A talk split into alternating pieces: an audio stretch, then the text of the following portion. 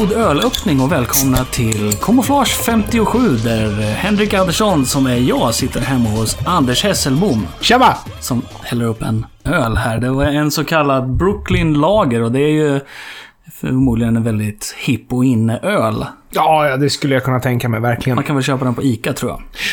Det, det finns faktiskt en lite lustig historia kring just de här eh, ölflaskorna som vi dricker i, i, idag. Har druckit lite annat också, men, men eh, de här köpte brorsan in för bröllopet.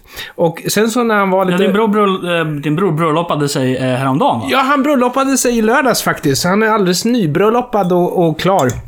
Och då tyckte han att jag var en sån trevlig toastmaster där, så han skänkte bort lite öl till mig. Så, en påse öl. Så, det här ska du ha!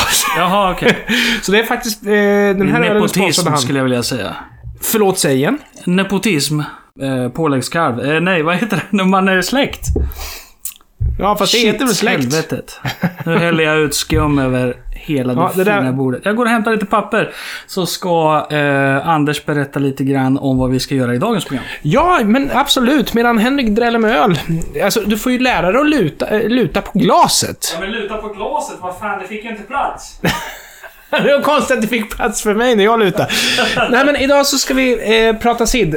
Ehm, och vi har laddat en hel del musik här och eh, vi har precis suttit och argumenterat för och emot vissa låtar, varför vi ska ha med dem och inte vi ska ha med dem.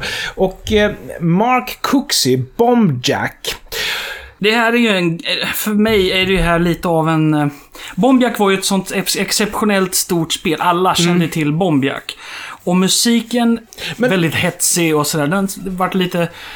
ehm, det här är titelskärmsmusiken alltså. alltså den Ja, lite, ja, just det. Man, man har inte den när man spelar. Jag tror att C64-versionen så var det lite Jean-Michel Jarre-covers och grejer. Men, När man spelar själva spelet så är det väl Rendezvous 4 tror jag Ja. ja. men det varierar. Det är väl två in-game-låtar tror jag, va? Ja. Jag måste bara, innan vi kör igång låten, fråga. När man kommer till den här jäkla banan där det är som ett stort fält med bomber. På arkadversionen där, eh, varken C64-versionen eller arkadversionen har ju några plattformar att stå på innan man varvar spelet, så att säga. Och det kommer igen och blir snabbare och svårare. Hur klarar man arkadversionen? Är det, någon, som- alltså, det måste ju gå. Ja, det är klart det måste gå. Det finns säkert något jättebra tricks för det. Men jag kan ju säga så här att jag var ju aldrig någon höjdare på Bombjack. Nej, nej. Faktum är att jag spelade Bombjack för en vecka sedan eller någonting och Ah, upptäckte att jag var hysteriskt dålig på det. Ja, ja, ja. Så att... ehm, Nej, för jag skulle ju skryta varvat det, inför, det har jag ju inte gjort. inför brorsans vänner. Så vi hittade Bombjack på arkad någonstans i Stockholm och jag stoppade i en tia där och sen så briljerade jag och visade hur man kunde klara alla banorna utan att förlora ett liv. Men, men så, så förlorade jag alla liv på den där sista banan utan plattformar istället då. Ja, men du var i Stockholm, det var ju det. Eller så var det att jag inte kan arkadet. Men så här låter Bombjack av Mark Cooksey. Yeah!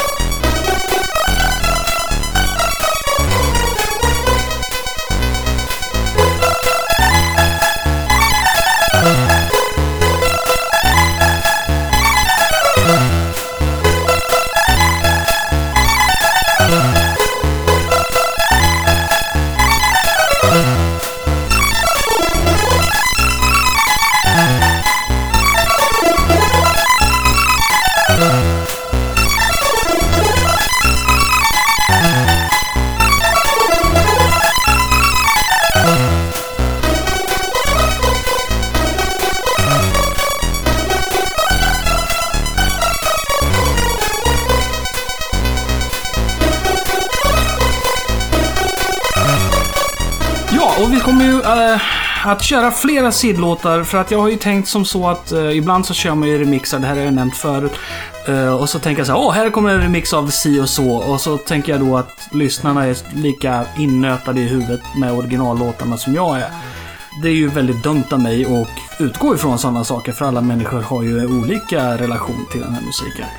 Så därför tänkte vi ju att vi skulle köra lite fler sidlåtar och sen så visade det sig att... Eh, ja, vi vet ju att folk fortfarande använder 64 och gör ny musik med Ja, sidos och hittar på en massa nya tricks.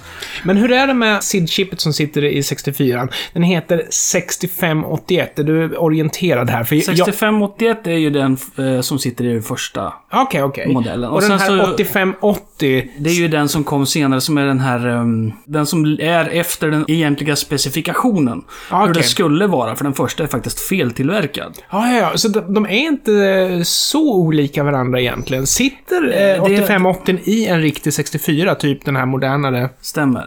Det är ju så. Och det, Det är så? Det, det som är skillnaderna är ju ofta... eh, är, eh, har med filter att göra. Och Ja. sen så är det ju då vissa imperfektioner i det gamla chippet använder man ju då för att åstadkomma olika effekter Ja. i musik och så vidare. Vilket innebar att när du fick det nya chippet så lät mycket musik annorlunda. Mm.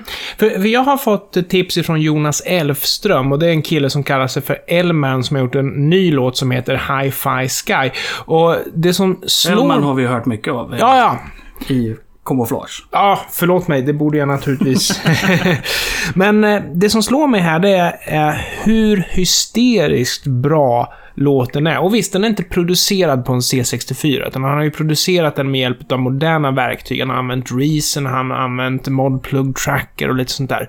Men han har stoppat in musiken och programmerat låten då slutgiltigen för att spelas upp på en 8580.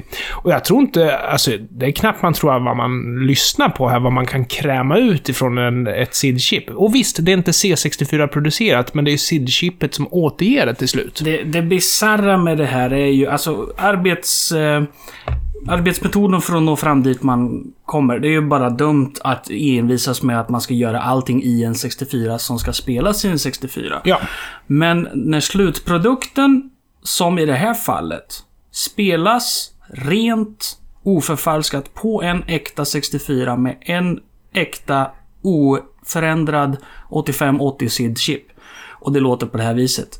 Då blir man ju helt knäckt.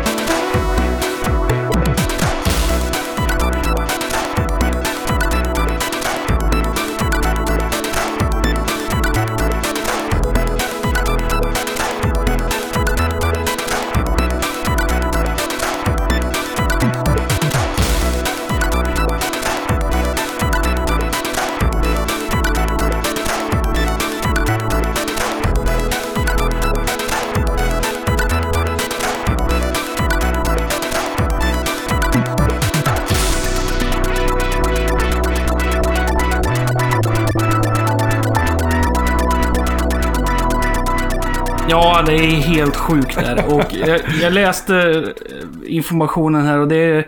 På något vis är det då två analoga kanaler och tre digitala kanaler. Jag vet inte. Tusan går det till Jag alltså. har ingen aning, men där är det. Och jag menar beviset finns ju i att du kan spela den här demofilen på en vanlig 64. Där är ju beviset att Mm. Ja. det funkar. Och, och sen så tycker jag också att den här visar att eh, alla moderna digitala syntar till trots så står sig ju faktiskt eh, SID-chippet jäkligt bra när det gäller att producera musik. Nu när det gäller ny musik som ska låta gammal så måste vi ju nämna True Survivor med David Hasselhoff, soundtracket till Kung Fury. Som jag tyckte var helt värdelös vill jag tillägga. Låten eller Alltså filmen? filmen. Ja, ja, ja, ja Jag- filmen jag var ingen vidare. Alltså, alla gav sken av att det här var ju det bästa som Ja. någonsin gjorts. Nej, men vi kan vara Men så jag pass ärliga mot varandra att vi erkänner att filmen var ingen vidare. Visst, det var roligt att det hände saker och sådär, men... Det var, det var ett skämt. Jag garvade åt ett enda skämt. Och det var Ja. den där killen som blir klyvd på mitten. Ja. Och så säger han, jag såg direkt att han var död. Ja. Det tyckte jag var roligt. eh, jag vill också kommentera den här eh, L-Man-låten. Den här har precis släppts. Mm. För en månad sedan ungefär tror jag, om jag Ja. förstår rätt. Men eh, den finns alltså att tillgå på internet, den här filen. Så är bara Ja, jag tog den på. YouTube faktiskt. Men, Ja, den finns på YouTube, men Ja. du, det finns liksom... Du kan ladda hem den här demon själv och köra i din dator om du Ja, ja, så kan tror. du kolla att det verkligen är C64 då. Precis. Nej, men eh, eh, låten eh, True Survivor av David Hasselhoff är helt fantastisk alltså. För den tycker jag har fångat 80-talet betydligt bättre än vad filmen Kung Fury gjorde. För jag tänkte på det, det finns en, en eh, Lucas Moodysson-film som heter Tillsammans. Som utspelar sig på 70-talet, men den utspelar sig ju inte på ett 70-tal som någonsin har funnits på riktigt, utan den utspelar sig ju på någon slags imaginärt eh, Lucas Moodysson 70-tal, han som inte var med på 70-talet. Och det är väl lite grann så med filmen Kung Fury också, att den utspelar sig på ett slags imaginärt 80-tal som eh, inte har funnits på riktigt, utan bara Precis. funnits i En huvudet typ på av regissören. 80-talsfilmer som aldrig fanns. Ja. Och som någon... Som är mer 80-tal än vad 80-talsfilmerna Ja, faktiskt Och som, var. som folk egentligen inte ens har aspirerat till att göra den typen av Nej. filmer. Utan det, man kan väl kanske... Möjligen kan jag sträcka mig till att det handlar om att omslaget alltid var coolare än filmen. Ja, ja. Men ändå, det är inte...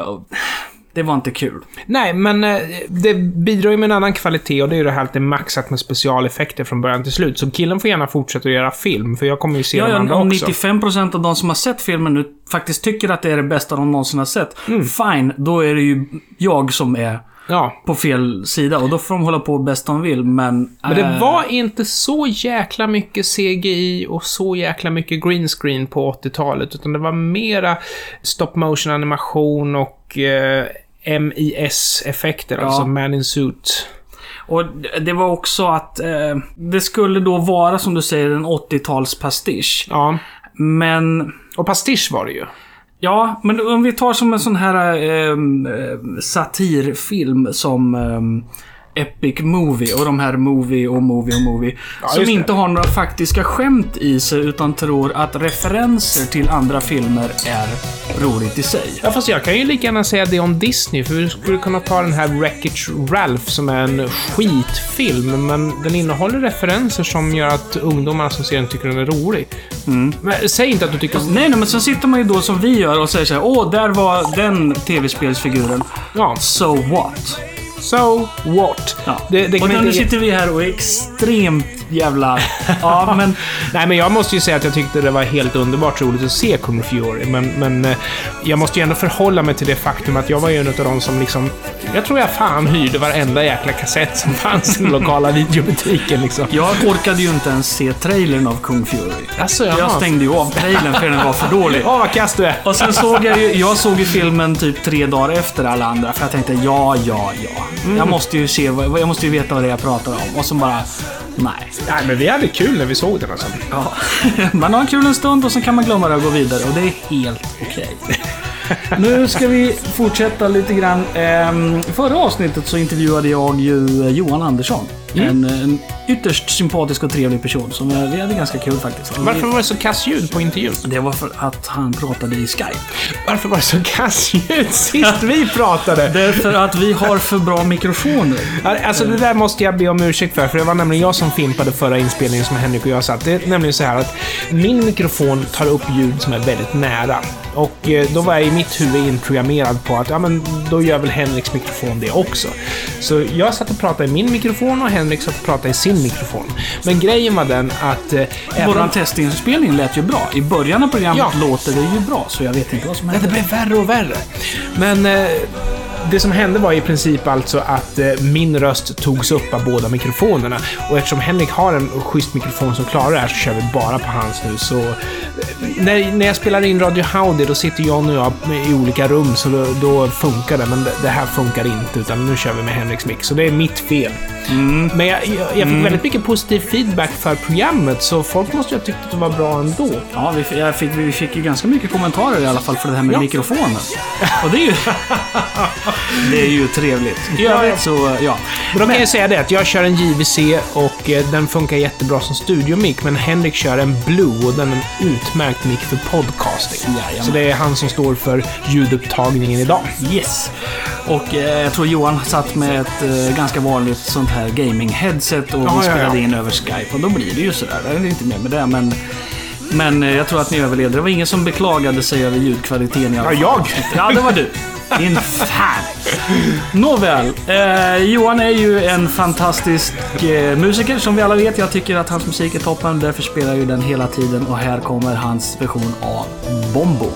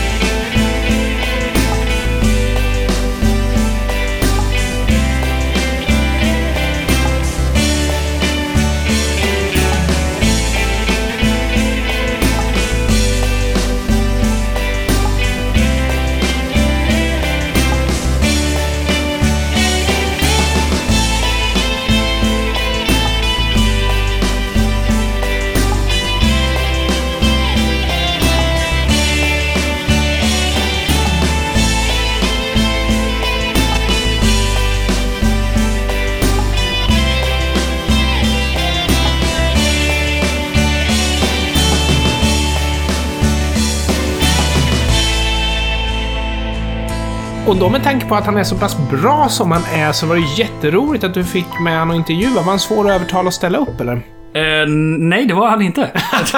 Faktum är att eh, när jag frågade honom så eh, menade han väl på att han hade väl kanske tänkt fråga lite försiktigt ja, själv. ja, det var lite grann som jag då. Jag, jag tjatar ju om att få vara med i kamouflage. Och eh, nej men alltså jag är ju hemskt glad över att folk eh, intresserar sig för programmet och vill vara med i programmet. Och även om du är en helt orelaterad person som känner att du skulle vilja vara med i Kamouflage eller göra ett eget avsnitt eller whatever.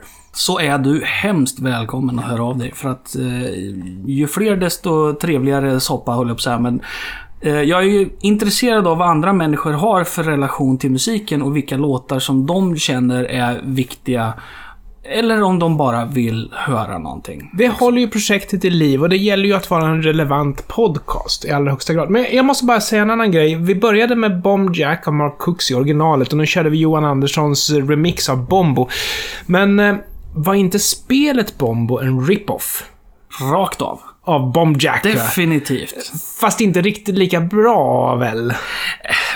Det var väl en... en... Kommer du ihåg uppföljaren till Gianna Sisters? Hard and Heavy. Nej, det gör jag inte. Nej. Det är som om du skulle jämföra de två med varandra. Det är liksom... Hard grafiken är alltså. inte rolig Nej. Och spelet är i princip detsamma. Alltså, Det är Bomb var inte ett kastspel och skulle det vara så att inte Bomb Jack hade funnits så skulle man ju förmodligen höja Bombo till skyarna va.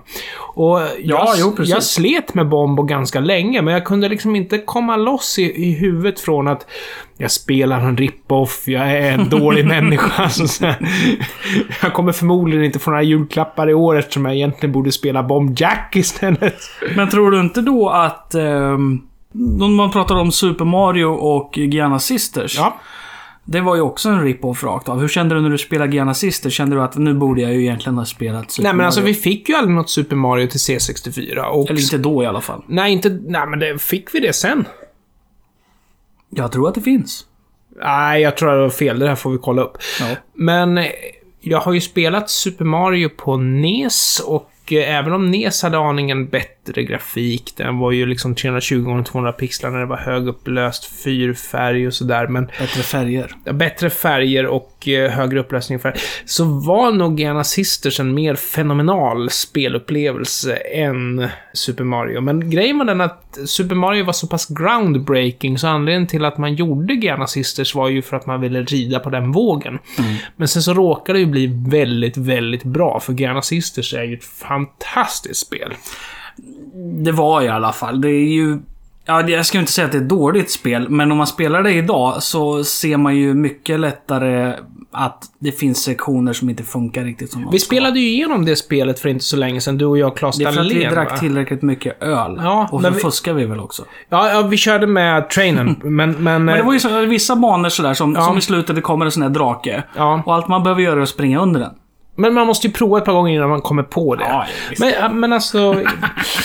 visst, hade det inte varit så att eh, jag var fullmatad med eh, berusningsmedel så hade jag kanske inte haft riktigt lika kul.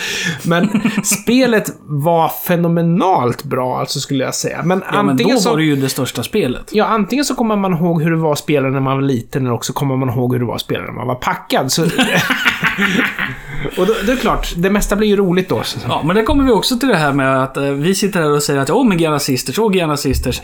Ja. Så kanske vi har fullt med lyssnare som bara, vad fan pratar de om egentligen? Ja, det är som Super Mario. Och Super Mario kan ju alla relatera till, därför att oavsett när du är född så finns det ju alltid en implementation av Super Mario som har försökt att tryckt sig in i ansiktet på folk. därför att Nintendo som företag tvångsmatar ju sin publik med Super Mario. Eh, ja, nej, eh, Sisters var ju då alltså en... en eh, man hade ju inte rättigheterna till att göra en riktig Super Mario på 64. Det, det gick ju inte. Nintendo var ju såna här att de bestämmer ju vilka plattformar saker och ting skulle finnas Och det är på. så härligt att de bara skiter de i allt och gör ändå, men så gick det som det gick också. De fick Ja. ju ta bort spelet ifrån marknaden. Men Nintendo är lite grann som Apple. Du får inte släppa kommersiella produkter utan en utvecklarlicens. Hmm. Just Apple har ju väl blivit bättre. Eller de blev väl bättre? Var det inte så? I början av Nintendo- 2000-talet? Nintendo, de är kvar på samma gamla alltså. Mm. När det gäller Microsoft så tycker jag det där är lite intressant take som Microsoft har. Därför att de säger ju att okej, när det gäller Xboxen. Då får du ta och köpa dig en utvecklarlicens för att få släppa kommersiella produkter. Men eh, Windows till PC, fine, kör på. Och Freeware till Xboxen kräver ingen licens. Men då är det också så att det finns ingen SDK, alltså utvecklingsverktyg, som Microsoft kan ge dig för att du betalar den här utvecklingslicensen. Du måste all- lik förbannat lura ut det själv. Nej, men alla de verktygen finns ju att ladda hem för vem som helst. Det är bara att du får inte släppa kommersiella produkter om du inte har licensen. När det gäller Nintendo så är det ju faktiskt så att när du väl har betalat din licens, då får du alla verktyg som behövs för att kunna utveckla. För du sitter ju naturligtvis inte på en Nintendo och bygger Nintendo-spel. Nej. Utan du måste ju ha specialmaskiner för att göra det, så att säga. Spännande det där. Det är Mm. lurigt där. Och då, um, såna här stora företag, de här som har mer eller mindre monopol på olika nischer och olika marknader. De Men där är ju inte Nintendo idag. Nej, Nintendo har väl tappat Nintendo rätt bra. var där, alltså de var så... Jag, menar, jag kommer Vilka ihåg... vann egentligen kriget där mellan PS4 och Xbox One? Vad Ja, hände där? PS4 skulle jag säga vann, men Nintendo var ju den hetaste spelkonsolen med NES och SNES. Mm. Men eh, de är lite eftersatta idag. Alltså, jag skulle ju Det säga jag att, gillar var ju ja, att de kom med Wii medan Playstation och Xbox var så här större, bättre, häftigare. Så Ja. kom Nintendo bara, här är vanligt eh, standardupplösningsspel, ching chong. Ja. Men gud vad kul det är. Det var ett jäkligt bra grepp faktiskt att komma med Wii. För det, det är ju en produkt som är ganska billig att tillverka. Och det som jag älskar med Wii, det var att jag kunde köpa krediter. För att sen ladda hem arkadspel. Mm. Som emulerades i Wii. Och sen kom Wii U och... Men den sjukaste jävla handkontroll jag sett. Vad fan tänker de med? Ja, det, det var ungefär som en serveringsbricka från ett sämre hotell i Brighton. Vart ska jag titta? Ska jag titta på TVn eller ska jag titta på handkontrollen? Eller? Jag, Ja. får, jag kan inte ens hålla i den där och jag har vuxna händer. Ja, ja, ja visst. Nej men, nej, men jag tror inte de förstod sitt egna koncept där, om man ska vara helt ärlig. tack 2 eller en slickstick. Det Nej, nej men alltså var inte så stopp och belägg. Alltså det, det är bra kontrollers. Eh, om jag ska säga någonting om C64 som vi ändå är här för att prata om. Jaha. Ja, så är det att en knapp är nästan en knapp för lite. Det, därför att det... Det vart ju många spel där du var tvungen att även använda till exempel mellanslag. Ja, jag skulle säga att idealet ligger någonstans på 1,7 knappar. Så det ligger, det ligger är väger. vetenskapligt eh, framtagna siffran. Ja. Idealet för spel är 1,7 knappar. För om det är så att det är kris och du verkligen måste skjuta så blir du förbannad om du råkar hoppa istället. Men å andra sidan så är det synd att du inte kan hoppa om du nu knappen betyder skjut. För du måste dra uppåt och hålla på och krångla. Liksom. Vad var det för spel man behövde fler knappar på? Rambo behövde man två knappar på. Jag spelade inte Rambo. Kommando behövde du två knappar på. De spel som jag spelar idag som behöver två knappar, det är alla gamla arkadspel. För då är det liksom Eh, det traditionella... Silkworm. Ja, Silkworm ja. Men det här traditionella att antingen så är det så att du har en hoppa-knapp och en skjutknapp. Eller så är det så att du har en skjutknapp och en special bomb-knapp. Och du måste samla upp en, en token för att få Ja. en special bomb. 1942-stuket liksom. Ja, precis. För hur sjutton gör man på C64-versionen för att göra en special bomb? På eh, arkadet så har du ju en special bomb-knapp liksom. Eller loop var det ju i Säg, 42. me- säg mellanslag. Jag säger mellanslag på det också. Ja, jag, tror att kan våra lyssnare kan men jag tror det. säkert rätta oss där. Jag tror att 1942 var väl i och för sig att du loopade så att du var odödlig medan du loopade, men, men Du 1943 slänger iväg en bomb och sen var loopen mest Ah, bara så för att... eh, För att flasha, liksom. För att styla. Nej, nej, nej, du är odödlig när du loopar. Det lärde jag mig från min pilotutbildning, att man är odödlig när man loopar. ja, jösses. Eh, vi ska gå vidare i musiken och eh, Johan Andersson då som vi pratade om, han eh, önskade ju till förra avsnittet Bazooka Bill med Westerling. Och då tänkte vi ju som så att vi, eftersom vi ska hålla på och spela sitt original så kommer här Neil Brennans original av Bazooka Bill.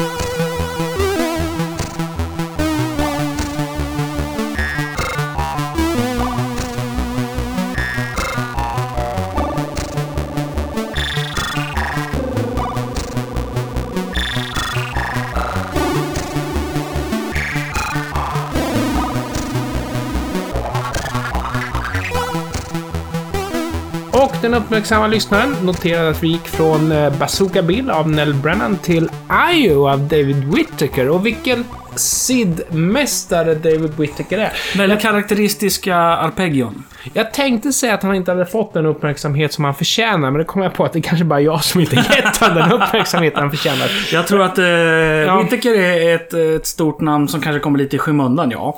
Ja, det kan vara lite grann så. Bulldog, kommer du ihåg vem det var? Var det David Whittaker, eller vem var det? Det minns jag inte, men Bulldog är en väldigt bra låt. Den, Hemskt borde vi, låt. den borde vi spela. Den borde vi spela, och inte att förväxla med Roger Whittaker, den gamla folkvisesångaren. Men så kommer Roger Whittaker och säger samma sak och då är det jätteroligt. eh, nej, det var en liten Eddie? Meduza-flash där. Vi ska eh, tala om en snubbe som vi pratade om eh, eh, förra gången jag var här hos Anders och han heter Julian Breeze. Ja, ja, ja, just det. Givetvis. Ja, för att Julian Breeze är då alltså den originalkompositören av musiken till spelet Thanatos. Ja, du tänker på Rob Hubbard. Som eh, konverterades till Commodore 64 av Rob Hubbard. Men var skrev han låten då, om den konverterades till 64 av Rob Hubbard? det var så att han skrev den till Spectrum först. Ah! Och det jag gjorde var ju att jag eh, letade reda på den här Julian Breeze. Och så sa jag, Hej Julian, jag skulle vilja göra en liten intervju med dig. Och Och han förstod vad du sa. Ja, jag sa, så jag skrev på svenska så. Hej hej. Faktum är att jag frågade först om det var rätt Julian Breeze, som, och det var det. Och han ville hemskt gärna ställa upp och svara på några frågor. Klart han vill vara med i Camouflage. Ja, givetvis. Men tyvärr så fick jag inte med honom på inspelning, utan jag fick bara en liten så kallad e-mail-intervju med honom. Men vi tänkte att vi skulle prata lite grann om vad han sa, och så kommer ni sen att kunna läsa hela intervjun på Camouflage hemsida. Och den kommer att vara översatt till svenska av yours truly, så att ni inte behöver anstränga era små hjärnor om det är så att ni tycker att engelska är jobbigt. Vilket är helt okej alltså, det är inte så jag menar, utan det är bara... Bara raljerar. Ja, ja, ja. Sedvanliga ursäkter. Sedvanliga ursäkter. Det som var intressant för mig att fråga honom om var ju just den här eh, Rob Hubbard-länken då till Commodore 64. Från eh, första början. Och eh, hur han eh, såg på att eh, den här låten är väldigt känd och har remixats och återspelats av musiker och så vidare. Det tyckte jag var spännande. Men jag frågade ju även honom om hans bakgrund inom eh, datorer och musik. Och det visar sig att han har hållit på med musik ända sedan han var runt 9-10 års ålder. Åh tusan. Då han skrev ett stycke till sin blockflöjt. I Sverige fick man också börja med blockflöjt om man skulle gå på musikskolan. Så Ja, visst. Spelar ingen roll vilket instrument du är intresserad av. Blockflöjt först! Jag tror att blockflöjt är lite... Det är inte så straightforward att spela va? Nej, men jag tror att det handlar om disciplin. Alltså. Ja, och det, är- det är lite så det att det är inte så jävla som... Sätter vi ett piano, där är det bara... Du, du, du, du, du, det är hur lätt som helst. Eller- Blockflöjt, nu måste du börja tänka liksom. På 80-talet så sa de ju att, ja men synt, det är bara att trycka på några knappar så har man ju skrivit en låt. Så ja, Ja, bra. da- datorer Gör gör det då. musiken själv. Gör det då. Do it! Han har i alla fall eh, redan liksom i, i, i mellanstadiet börjat skriva musik och komponera låtar för liksom skolteatrar och grejer. Han var ju musikintresserad redan i ung ålder och han hade väl också eh, föräldrar som var lärare så att de uppmuntrade givetvis honom att, att lära sig och, och engagera sig i saker och ting. Jag blir lite glad när jag hör att han eh, sysslade med Basic och Fortran och sådär, för är det så att man är teknikintresserad av föräldrar som är lärare så brukar de peka på Basic och Fortran. Gärna eh, liksom Pascal eller något sånt där också. Absolut Pascal. Men det, nu, nu pratar vi ju tidigt 80-tal. Då var det ju det här... Fortran jag tror jag inte någon ens vet vad det är längre. Nej, och jag menar, det spelar ju ingen roll, för det, det handlar ju om att lära sig programmera och egentligen inte om att just Fortran hade framtiden för sig. Mm, så han gick ju i programmeringskurser här med, med Basic och Fortran och sånt där på högstadiet måste det väl bli ungefär. Det, det heter Secondary School. Det beror lite grann på hur gammal han är också. Ja, det, eh, Secondary School då är man mellan 11 och 18. Ja, men idag naturligtvis. Jaha, Ja. Eh, Det vet jag ju inte. Eh, jag, det, det, det är en av de frågorna jag aldrig riktigt fick svar på. Det är hur gammal han är just nu. Men förmodligen sen 60-talist, eller? Ja, jag skulle kunna gissa Ja. på att han är sen 60-talist. Eh, i och Så med- i 40 till 50-årsåldern. Ja, för det här är, det kommer nämligen en intressant indikation på det. För att han började ju då att göra musik för ett företag som heter Durell Software. Eh, för han svarade på en annons i tidningen där de sökte musiker till sina spel. Och han kände alltså den här killen som ägde spelföretaget därför att de hade alltså barn på samma primary school. Ah! Då måste han ju ändå ha varit i 30-årsåldern. Ja, då är han nog antagligen eh, 50 eller 60-talist då. Ja. Mm. Någonting i den stilen. Så att han eh, träffar en kille som heter Mike Richardson genom den här eh, gemensamma skolan som deras barn gick på. Och så började då han jobba för Durell Software. De hade ju haft ett par spel som, eh, som hade haft en ganska bra framgång. De hade faktiskt ganska många spel som kom ut och de hade även Rob Hubbard på några soundtrack. Och tusan. Eh, till exempel Sabotör 2. Ja, ja, ja. Så att det var en... eh, Det är inte ett eh, litet eh, försumbart spelföretag det här är inte. Nej, inte om man kan få engagemang från Rob Hubbard. Absolut inte. Nej. För om vi nu pratar om senare delen av 80-talet så var ju ändå Rob Hubbard lite grann av en stjärna i branschen. Det här är väl runt 86, så att det är väl Ja. precis i den... Ja, det måste vara Kollar man på Rob Hubbards eh, credit så har han ju faktiskt gjort för många olika bolag. Han Ja. har ju inte varit riktigt anställd. Kollar du på Fred Gray, Martin Galway de där, så är det ofta att de sitter vid två. Martin Galway var ju den första heltidsanställda musikern för datorspel överhuvudtaget. Ja. Och eh, det var ingen som hade trott på den tiden att det skulle behövas en heltidstjänst för dataspelsmusik. Medan idag så har ju alla stora eh, dataspelsföretag åtminstone några musiker anställda. Men Martin Galway var den första professionella musikern. Mm. Det han gjorde var ju eh, musiken då till Thanatos och Sigma 7. Och eh, som han skriver själv, eh, Thanatos gjordes... Den var helt noterad, alltså det finns på, som notblad en komplett liksom låt. Och det här är ju någonting vi har pratat om tidigare, att det var ju svårt att vara spontan på själva 64 Eftersom du hade ju liksom inget trevligt så här knäpp på strömmen och börja jamma direkt. Utan det här programmerades ju musiken, så det, förarbetet var ju oftast gediget när man skulle få ut en låt. eftersom han hade ju jobbat sen, eller höll på sen så tidig ålder med att komponera musik så kunde han utan tvekan notering och så vidare. Och sen då skulle ju det här in i datorn, vilket innebar att han då fick eh, som man säger, reducera musiken till en serie siffror. Mm. Och det eh, var det ju tur att han hade pluggat Basic och Fortran. eh, han har alltså inte programmerat själva musikuppspelningen själv efter vad jag förstår. Utan den här Mike Richardson är den som har gjort själva eh, programmeringen på datorerna. Och sen har ju då Julian Breeze eh, levererat en, som man säger, en serie siffror. Eller han har ju komponerat själva musiken. De har väl säkert samarbetat. Men just programmeringen av spektrumen var han alltså inte så direkt inblandad i. C64. Nej, spektrum. Okej, så han programmerar inte spektrummusiken själv heller alltså? Nej. Okej, okej. Mm. Utan eh, när de då skulle till att konvertera de här spelen till 64 eller som faktiskt i Sigma 7s eh, fall så konverterade man själva spelet från 64 till Spectrum. Ja, ja, ja. Så var det då Rob Hubbard som fick, eh, som citatet från Rob Hubbard, Rob Hubbard, Rob Hubbard. Citatet från Rob Hubbard är ju att han fick en eh, musikskiss att Ja, arbeta ja, ja, efter. okej, ja. Och det här ställer sig Julian Breeze lite frågande till. Musikskiss, säger han.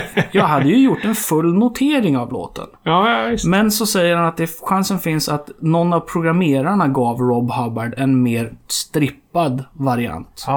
Mm. Som han fick jobba efter. Och eh, då är ju frågan förstås, vad tycker han om Rob Hubbards version av Thanatos? Ja, han ja, tycker visst. den är toppenbra. han var jätteglad över Fattas den här. bara annat alltså. Ja, precis. Skulle Rob ju- Hubbard programmera en av mina låtar skulle jag vara så glad så jag- Sen frågar jag ju då eh, Julian, har du gjort någon mer musik? Är det några fler låtar som man inte känner till? Och han säger att han, han blev ombedd att göra musiken till ett eh, bilspel, men han hade inte tid. Så hans fru gjorde det åt honom. Och tusan. Och sen lämnade han in det och ingen visste någonting. Och det var typ att det här är det stora avslöjandet i intervjun att det var inte jag. Ah, coolt. Det tycker jag är kul. Ja, Men sen ja, så visst. gjorde han även musiken, som han sa, till ett spel om en mask. Men han visste inte om den någonsin användes. Så jag letade rätt på spelet med masken. Och den heter alltså då Fat Worm Blows a Sparky. Och om vi tar och lyssnar lite grann på musiken till Fat Worm Blows a Sparky så kan vi gissa ifall det är Julian Breeze som har komponerat den.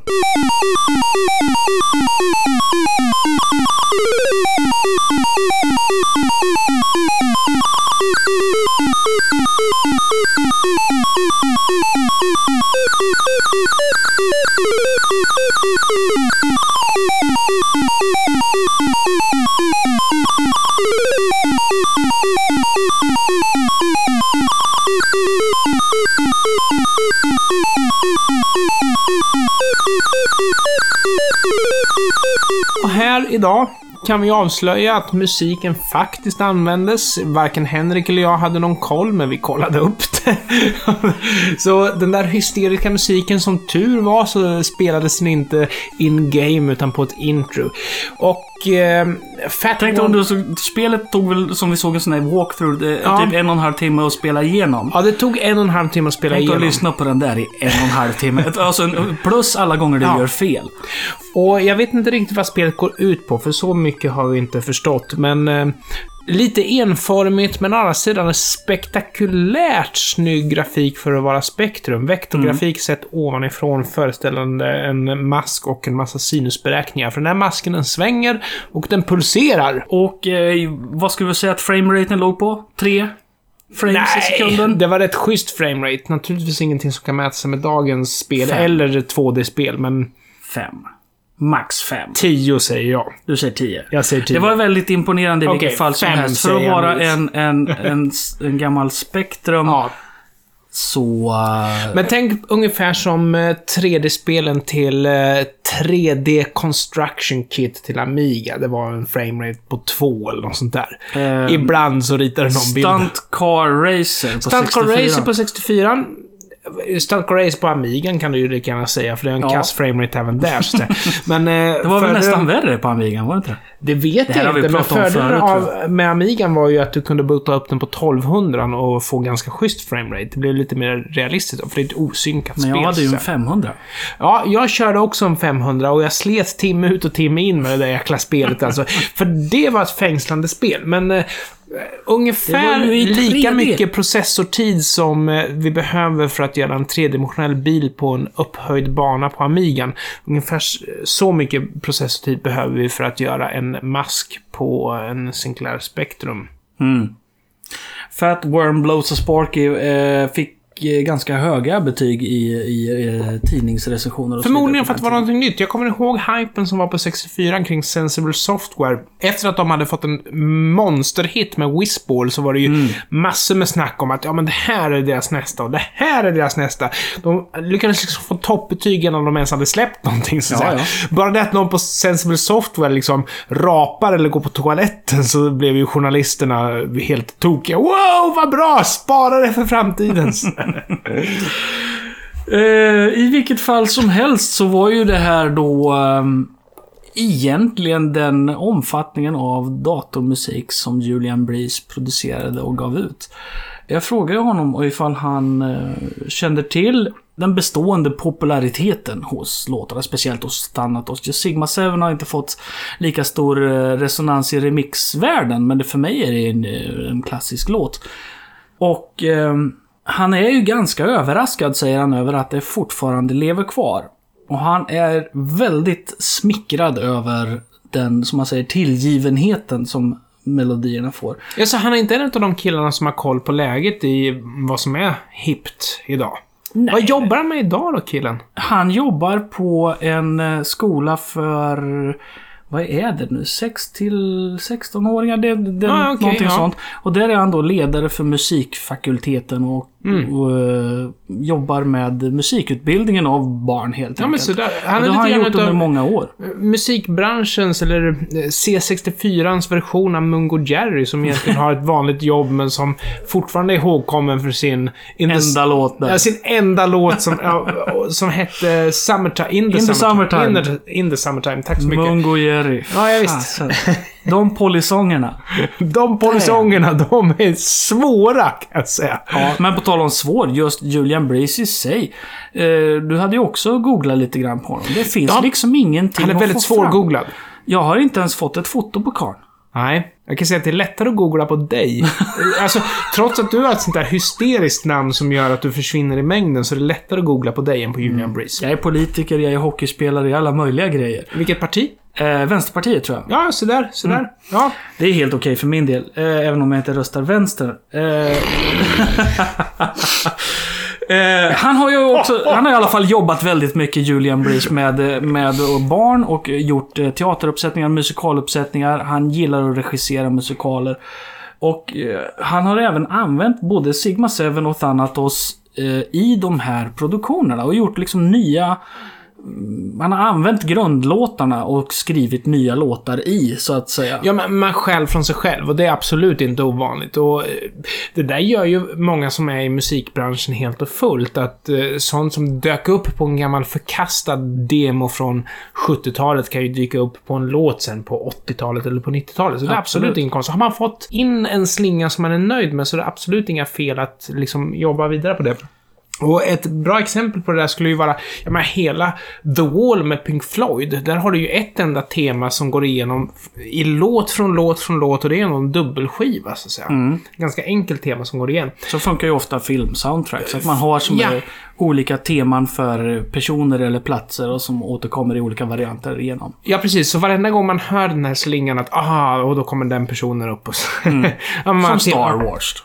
Ja, ja, men de har ju det. Ja. Absolut. Darth Vader har ju sin egen theme song. Ja, men det är också det som alltid resonerar med mig om man säger det är i, i början av, av Episod 4. När Luke Skywalker går ut och tittar på de här två solarna som går ner. Och då spelar de Star Wars-melodin fast med typ en, en lugn, om det är en Ja. trombon eller vad det är för någonting.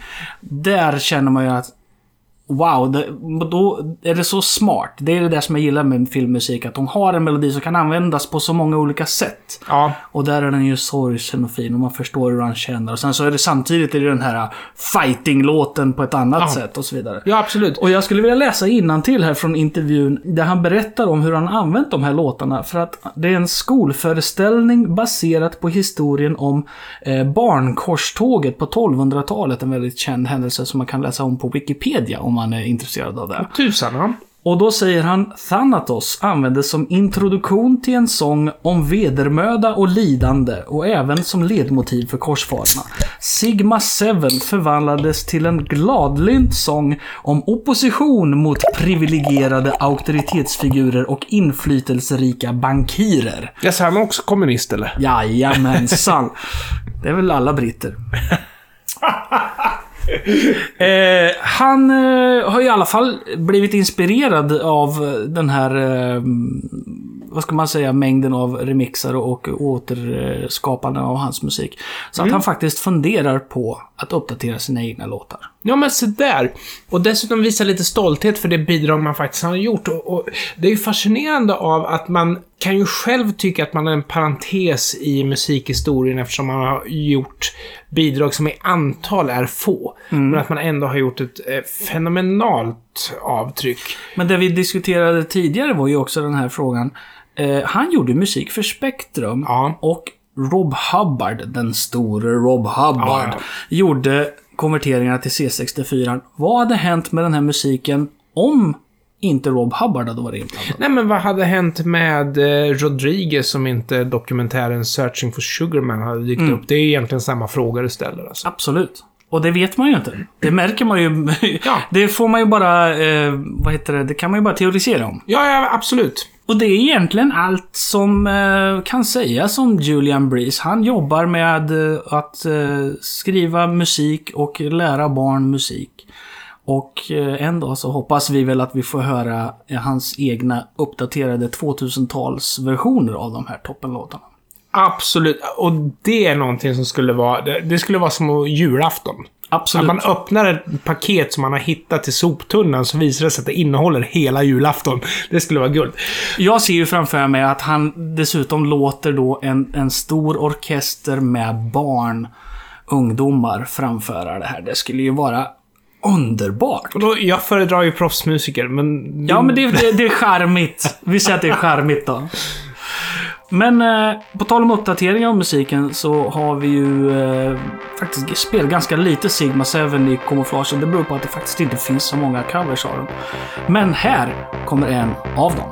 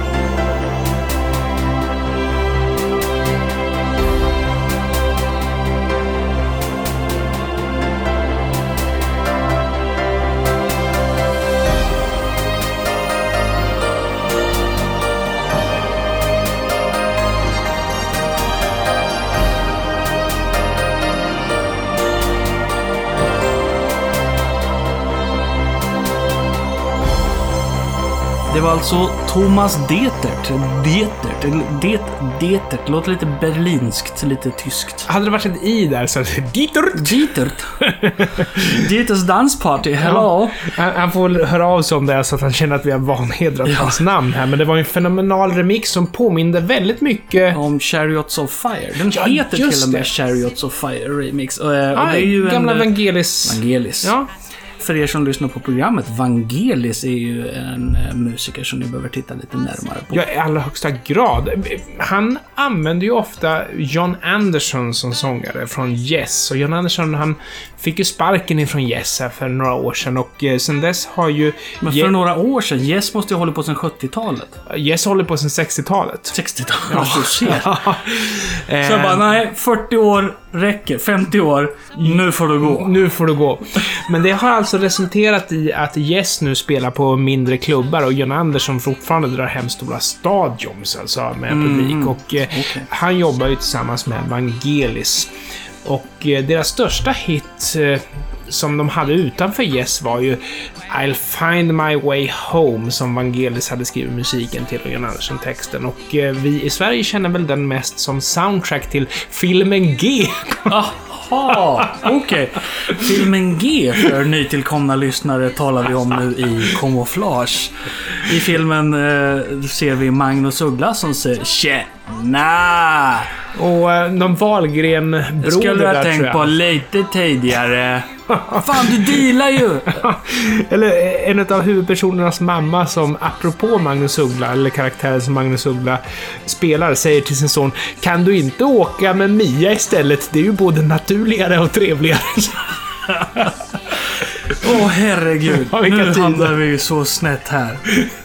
Välkommen till Camouflage som idag pratar om SID-musiken. Jag skulle lika gärna kunna säga att det är Nattsudd som är i farten.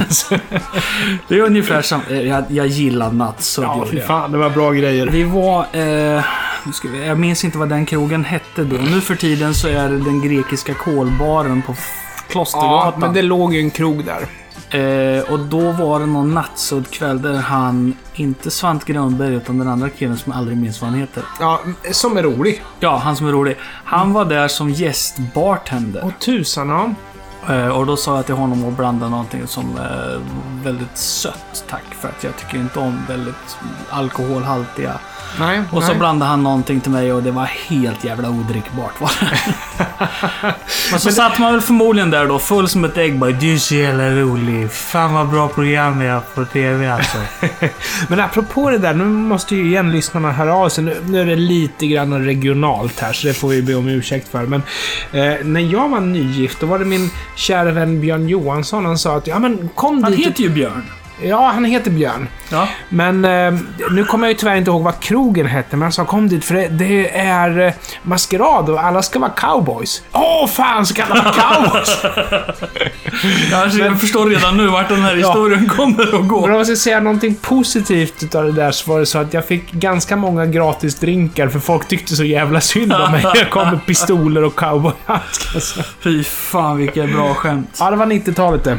Så var det på den tiden, på 90-talet. Men det är ju mest 80-talet vi pratar om här. Ja, alltså 64 hade väl sin höjdpunkt i Sverige runt eh, mellan 86 och 89 där. Kanske ända fram till 90. Så 80-talet är det ju som gäller skulle jag säga. Ja, och frågan är ju hur länge 64 hade suttit kvar om inte Amigan och eh, Atari ST för den delen också hade dykt upp. Ja, men eh, hur länge hade 64 funnits? Eh, eh, jag brukar ju alltid ta upp Commodore 65 som ett exempel där. Ja, den kom ju på tok för sent helt Ja, enkelt. den kom inte. Eh, Men det är ju ungefär där vi skulle ha varit om det är så att inte Amigan hade blivit den stora succé som den ändå blev. För Commodore 128, det är ju egentligen 64 fast med mer minne och lite uppdaterat operativsystem och sådär. Ja, och PC-datorer hade ju fortfarande inte egentligen någonting Nej. att erbjuda i den här världen. Nej, absolut inte. Det fanns liksom inga vidare spel till dem och sådär. Men i och med att Amigan var en så pass revolutionerande bra maskin som den ändå var och, och det fanns ju andra maskiner som liksom var touchade där. Vi nämnde Atari tidigare, men jag skulle också vilja nämna Macintosh som faktiskt var ganska tidiga med att ha ett GUI och lite grann sådär. De hade ju monokroma skärmar på 640 x 400 pixlar, vilket var ganska mycket. Förvisso monokromt, men det var ändå ganska högupplöst där. Så en av anledningarna till att man beslutade sig för att lägga ner tillverkningen av Commodore 65 var ju helt enkelt att liksom den tiden då hemdatorer var konsoler med text var väl förbi, kan man säga. Förmodligen. Och, men om man tittar ljudmässigt så kan man ju fundera. Amigan hade ju det här med... Då kunde du köra fyra samplingskanaler. Fantastiskt 8 otroligt. bit. Ja. Men Alltså jag kan ju säga Amigan att hade- C64s tre analoga kanaler lät ju betydligt fetare än Amigans eh, fyra Amigan digitala. hade inga analoga Nej, inga analoga kanaler. alls. Nej. Tänk dig om man då hade haft istället för eh, det här digitala stödet en tio år yngre uppdatering av SID-chippet. Vet du att Commodore 65 hade sex stycken eh, analoga kanaler, vilket man uppnådde med två stycken SID-chip? Ja, precis. Ja, och jag Men- menar, det var fett ljud. Det var ju fett. Men då, då var man ju tvungen att eh, tänka på bakåtkompatibilitet. Ja, Amigan var ju en helt ny dator. ja. Vad hade man kunnat göra? Vad hade vi kunnat haft? Nej, men alltså, vi- har ju hela Inte för att jag modkulturen att spelar tacka... ner det. Ja, Nej, precis. Nej, liksom, eh, men jag skulle ju hellre haft en vidareutveckling av, av 64. Men, men samtidigt så är det ju så att mm, Amigan tillförde ju någonting som även moderna musiker är väldigt vana med. Dels har du ju den här Pro Tracker eller Mod... eh, Vad heter den? Fast Tracker och Soundtracker. Mm. Eh, Ja, Soundtracker var ju den som var... Jag ska inte svära på att den var först, men det var ju den som gjorde modulformatet känt. Ja, ja visst. Och sen så jag själv då när jag väl började köpa på mig eh, riktiga syntar, externa syntar, så var det ju det här med bars and pipes och det som snarare Mm. skulle kunna liknas med... Gud, jag har inte hört namnet Bars and Pipes Nej. sen bokstavligen början av 90-talet. Ja. Och jag tror att för att eh, referera till någonting som eh, man kan förhålla sig till idag så skulle jag ju säga Cubase. Alltså, fanns så, inte Cubase till Amigan. Nej, Cubase tror jag aldrig kom till Amigan, utan det var nog eh, Macintosh och Atari som körde Cubase. Men, Jag tror till eh, och med någon gjorde Cubase till 64 vid något tillfälle. Nej, men idag finns ju Cubase 64. ja. Men eh, det fanns inte då. Det var då. Och det är ju ändå mjukvara som står sig än idag. Alltså, eh, jag menar, jag har gjort fantastiska låtar med Bars and Pipes. Jag har gjort fantastiska låtar. Eh, Ja, ja, jag behöver inte vara, låtsas att jag är ödmjuk. Jag har inga skäl att vara ödmjuk. Jag är så jäkla bra på... Vet du, det jag har faktiskt tänkt fråga dig däremot är ju just... eh, För du, du kan ju spela eh, musikinstrument på riktigt, som normala musiker gör. Elbas. Du kan spela elbas.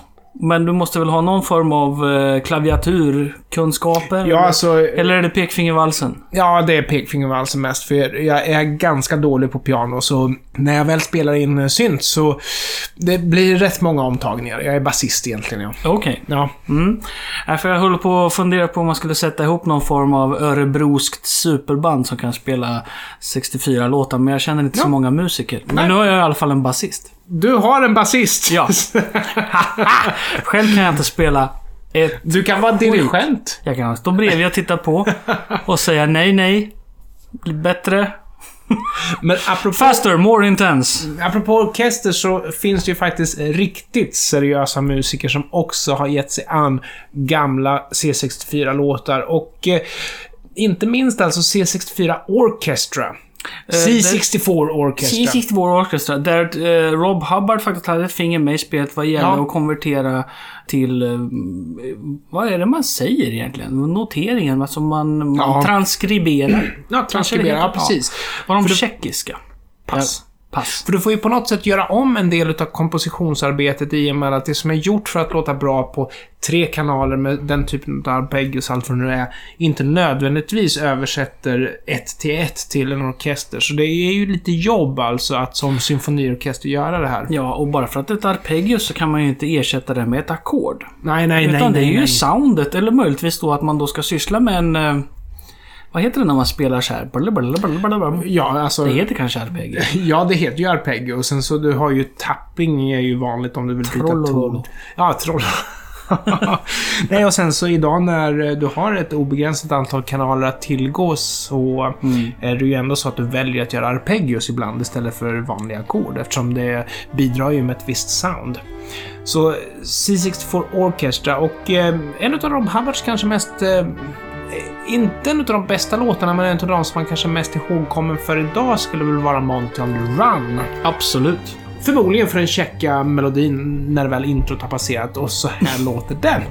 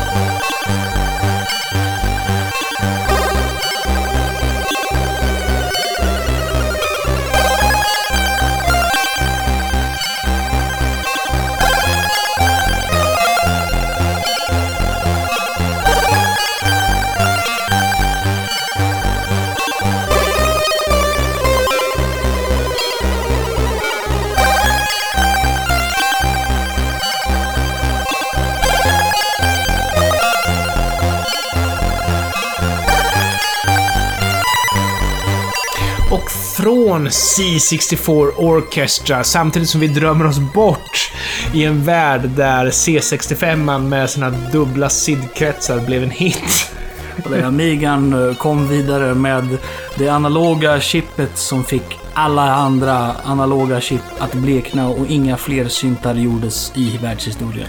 Ett litet tips som jag har fått ifrån en eh, kille som heter Tommy Dale, en väldigt duktig musiker. Lite taskig inspiration om man ska göra någonting. Jo, men testa att bara använda analoga syntar. Det, det är liksom ett tips. För då kommer man tillbaka till det mindset man hade förr. Att eh, man kan liksom, liksom inte förlita sig på att ljuden talar, utan man måste komponera.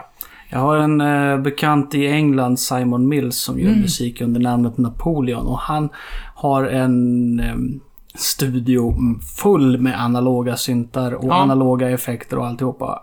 Och han vill helst av allt hålla på med det. Då kommer låtarna bara flygande. Ja. Förra året så bestämde han sig då för att han skulle släppa en EP i månaden i slutet av varje månad. Åh, fy fan. hela året. Det går ju Så han släppte alltså då fyra eller fem låtar i slutet av varje månad. Hela året. Utan att missa. Det var bra gjort. Och nästan, all, nästan allting, allting var skitbra. Ja. Och eh, helt fantastiskt, ett, ett otroligt åtagande som han bara genomförde. Och det är jättemycket analoga syntar inblandade i det. Samtidigt som det är modern, eh, jag hatar ordet elektronika, men Ja. Musikstilen är det vi Musik, pratar om nu. ja precis. Och eh, fantastiskt underbart och mycket analogt och samtidigt modernt. Rekommenderas, tycker jag. Ja. Napoleon. Eh, analoga syntar, Ja, fantastiskt. ja. Och jag vill faktiskt kontra där, för jag har ett projekt tillsammans med Tommy Dale och en kille som heter Patrik Sylvén. Där vi faktiskt skriver en låt som vi spelar in med gammal utrustning. Egentligen så simulerar vi att det är gammal utrustning. Men vi, målet med det här projektet är att det ska bli en rockvideo. Och eh, rockvideon kommer ju förvisso spelas in i HD, men vi tänker att innan vi lägger ut den på YouTube så bandar vi över den på VHS. Korrekt. Ja. För att egentligen bara liksom ge folk en chans att få se hur en rockvideo kunde se ut förr. Mm. Jag kommer ihåg när Lenny Kravitz gjorde sin eh, debutskiva, eller ja, den skivan i alla fall som han blev känd med på eh, 90-talet, eller mitten av 90-talet. Så spelade han enbart in med utrustning från 70-talet. Ja, ja. Allting skulle vara från 70-talet. Bara för att. Åtminstone så var det triggat. Det var inspelat med utrustning från 70-talet, men det var triggat in i modern utrustning. Det var det förmodligen. Ja. Jag tror Eh, inte skivbolaget hade gått med på annars. Om det varit... nej, jag tror inte det. Eh, Jag ska ta men- den här gamla Tandberg-rullbandaren och lira in på. Ja. Nja. Men företaget Propellerhead som gör bland annat Reason, de har ju gjort precis det som Lenny Kravitz var väldigt unik med på den tiden. Det har de gjort lite grann till en mainstream-produkt idag. Därför att de har åkt till Abbey Road och dammat av exakt de trumsätten och exakt de mickarna och mixerborden som användes på 70-talet och helt enkelt spelat in ett 70-tals trumset. Och de har gjort samma sak med 80-talet också, så att det mixerbordet som förmodligen då, säg, A Kind of Magic McQueen är inspelat på då, med typ den typen av Och mickar. skillnaden i ljud är enormt liten.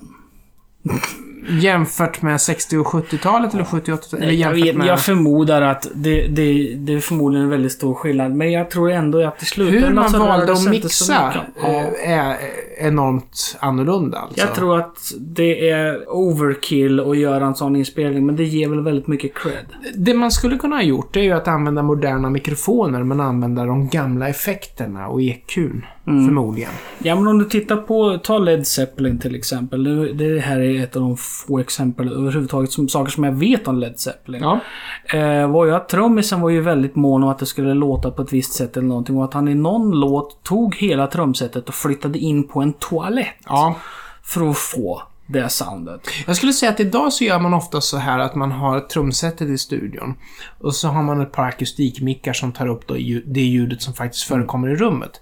Men sen så har man gärna någon mick ute på dass. Eh, trots att trumsetet står i, i studion. Som bara tar upp skräpljud, så att säga Men det mesta är nog effekter i efterhand. Nej, effekterna använder du nog snarare för att eh, manipulera den individuella trumman sen, så att säga. Men eh, sen så har du reglage att du drar gärna upp dassljudet då för att få, för att få att det ska låta rock'n'roll så att säga.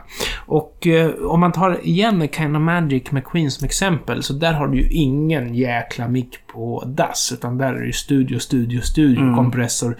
Men idag så, för att få det att låta lite liveigt och sådär, så tar du en mick i pissoaren helt enkelt. Tror att om- man ska få det, om man ska få ett eget sound, Ja. då ska man göra något sånt tricks. Ja. Eller använda någon konstig utrustning. Kom, om du är ett Beastie Boys-fan så vet du att skivan Check Your Head innehåller väldigt mycket eh, distad eh, rap. Ja.